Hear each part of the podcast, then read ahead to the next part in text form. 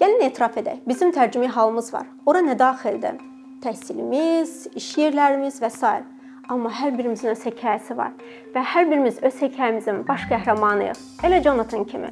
Və təsəvvür edin, mənim başıma gələn bir hadisə mənim hekayəmdir. Sizinki sizin hekayənizdir. Və yaxud da başqalarınınki və biz oturub söhbət etdikdə, fikir mübadiləsi etdikdə baxırıq ki, a, ortaq nöqtələr var. Mənim başıma gələn hadisələr sizdə də var və bu hekayələr hamısı ortaqlaşır və bu empatiya hissinin, ünsiyyətin, bir-birimizlə əlaqənin qurulmasına çox böyük əhəmiyyətli təsir edir.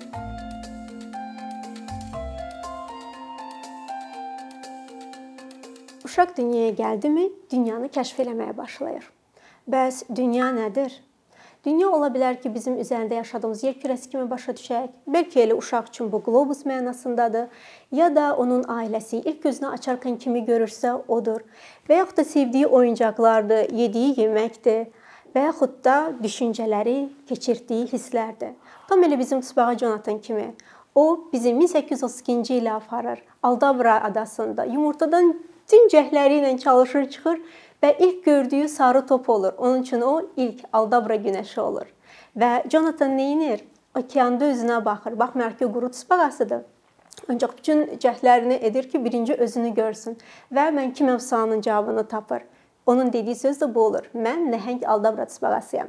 Elə biz də bu sualla Jonathanla bərabər dünyanın axtarışında başladıq dünya səyahətinə çıxmağa. Biz Ritual Mobil Teatr Laboratoriyasıyıq. Uşaqlar üçün emosional zəkanın inkişafına töhfə verəcək hekayə kitabı hazırlamışıq. Tspaga Jonathan macəraları kitabı elə belə kitab deyil. Bu həqiqətən də real obrazdır və bununla da biz kifayətlənmirik. Yəni hə, düzdür, hazırda müqəddəs Yelen adasında yaşayır Keçən il o 191 yaşını qeyd edib. Təsəvvür edə bilirsiniz? İki dünya müharibəsini görüb, neçə monarx Britaniyada dəyişdiyini görüb, daha nələr, nələr. Ancaq biz teatr laboratoriyası olaraq çox fərqli bir yanaşma göstərdik. Öz təxəyyülümüzü işə saldıq və Jonathanla uşaqlara emosional zəkanı başa salmağa çalışdıq. Düzdür, bu kitabda təkcə emosional zəka deyil, həmçinin IQ səviyyənizə də müsbət təsir edəcək hadisələr var. Məsələn, kim bilir ki, Hindistanda Unakoti var və onun öz sirri var. 9 milyon 999 min 999. Bu nədir? Kitab oxuyanda biləcəksiniz. Yeri gəlmişkən, bu kitab təkcə uşaqlar üçün deyil, böyüklər üçün də həm də. Kim deyər ki, mən heç vaxt uşaq olmamışam, elə birdən-birə böyümüşəm? Heç kəs. Və biz bunu aldığımız rəylərdən də görürük böyüklər oxuyur kitabı və bizə öz keçirdikləri hissləri paylaşırlar. Kimlərsə ağladığını deyir. Çünki burada çox həssas mövzulara toxunmuşuq. Təsəvvür edin, uşaqlar üçün biz ölüm hadisəsini belə burada izah etmişik. Həmçinin qeyd edim ki, Jonathan bizim üçün universal bir obrazdır. Düzdür. Yaradılışına görə tam təbiətinə uyğun tısbağadır, sağlamdır, hər şey yerindədir. Amma bir uşaq kimi ona baxın, fiziki məhdudiyyəti var. Çünki dovşan kimi tullana bilmir pişik kimi qaça bilmir, ağaca dırmana bilmir. Buna baxmayaraq o cəsarətlidir və çox ağıllıdır və dünyanı kəşf etmək istəyir. Çoxlu dostlar qazanmaq istəyir. Elə bu hekayələrdə olduğu kimi. Təsəvvür edin, burada həm bacı qardaşlarla olan münasibət var, anadan ayrılmaq var, uşağın özünü təhlükəyə atması var. Ehtiyatlımı olmaq, yoxsa qorxmaq? Düzgün qərar vermək, seçim etmək, kiminlə dostluq etmək olar? Kiminlə uzaqdan uzağa söhbət etmək olar? Bəs ünsiyyət bacarığını necə quraq? Əlbəttə ki, bunların hamısı Jonathanla bərabər onun macəralarındadır. Sual verə bilərsiniz ki, nə üçün məhz hekayə texnikasını seçdik?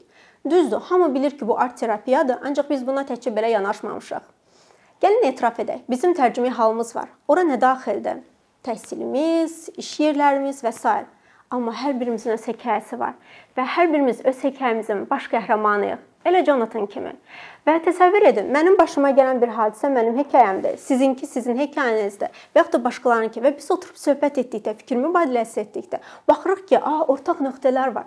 Mənim başıma gələn hadisələr sizdə də var və bu hekayələr hamısı ortaqlaşır və bu empatiya hissinin, ünsiyyətin, bir-birimizlə əlaqənin qurulmasına çox böyük əhəmiyyətli təsir edir. Mən keçmək istəyirəm Jonathandan başqa bir mövzuya. Bizim xüsusi dostlarımız var. Onlar görmə məhdudiyyətli dostlarımızdır. Təsəvvür edin. Barmaqlarla oxumaq mümkündür və bunu bizim görmə məhdudiyyətli dostlarımız bacarır. Və bu kitabı biz nəşr edərkən e, fikirləşirdik ki, ancaq görmə məhdudiyyətli uşaqlara verəcəyik, onları sevindirəcəyik, onların öz uşaq ədəbiyyatı olacaq. Axı Ritual Mobil Teatr Laboratoriyası bunu hansı bir xarici ədəbiyyatdan tərcümə etməyib, bu sırf bizim komandanın beyin məhsuludur. Burada bir şey qeyd edim. Hekayənin yazılma ə, məsuliyyəti bir komanda üzvü olaraq mənim üzərimdə idi və mən fikirləşirdim ki, birinci cümlə necə olsun ki, diqqəti cəlb eləsin, uşağın xoşuna gəlsin, onu sevindirsin. Beləliklə ilk cümlə belə oldu. Ey, ey, məni eşidirsiniz? Nə üçün belə? Çünki hamımız eşidilmək istəyirik. Bir müşahidənizi yadınıza salın. İki ana söhbət edir. Uşaq nə edir? Gəlir anasının paltarından dartır ki, məni eşit, mən burdayam. Lap özümüzü götürək, böyüklər. Kiməsə hansı hissimizi ifadə etmək istəyirik? Və yaxud da incimişik. İstəyirik ki, bizim hissimizi eşitsin, duysun. Eşidilmək. Elə Jonathan da hamıya bunu verir. Ey, məni eşidirsiniz? Və beləliklə oxuyuculara sanki bir çağırış etmiş olur. Həmçinin biz Jonathan macəralar hekayə kitabını yazdıqdan sonra fikirləşdik ki, uşaqlar üçün nə isə fərqli bir şey də hazırlamalıyıq. Və biz uşaqlar üçün iş dəftəri hazırladıq. Yeri gəlmişkən burada Jonathanın real öz şəkli də var. Baxa bilərsiniz. İş dəftəri nə üçündür? İş dəftəri emosional zəka üzərindən münaqişənin həllidir. 7-12 yaş qrupu üçündür. Baxın, biz həyatımızda müxtəlif situasiyalara düşürük. Çox vaxt inciyirik, hisslərimizi bir-birimizdə düzgün anlada bilmirik. Qarşı tərəf də anlaya bilmir. Və bunun üçün biz uşaqlara iş dəftəri hazırladıq. Bu necə bir iş dəftəridir? Uşaq özü sərbəst işləyə bilər. Müəllim şagird sinifdə dərs zamanı işləyə bilər. Valideyn öz övladı ilə və ya da uşaqlar qrup halında işləyə bilər. Burada crosswordlar və müxtəlif-müxtəlif suallar, hekayələr var və soft skills dediyimiz yumşaq bacarıqlar var liderlik olmaq, ünsiyyət qurmaq, ən əsası indi uşaqların dərs yükü çoxdur. Vaxtını necə düzgün bölməlisən və s. Və biz mən kiməm sualı ilə başladıq. Çünki mən kiməm? Mənim dəyərlərimdir. Jonathan deyir ki, mən nəhəng aldabrat bağasıyam. Görəsən o bu cümlə ilə nə demək istəyir? Cəsarətliyəm, ağıllıyam, yoxsa başqaları mənim haqqımda hansı fikirdədir, mən elə oyam? Bu suallarla biz uşaqlara müraciət edirik. Jonathan hekayələri o qədər ə, e, unikaldır ki, çünki bu təkcə bizim öz zəhmətimiz deyil, həmçinin bizə balaca oxuyucularımız köməklik edib. İlk variantı yazdıq, uşaqlara təqdim etdik, uşaqlar oxudular və hər birisi öz fikrini dedi.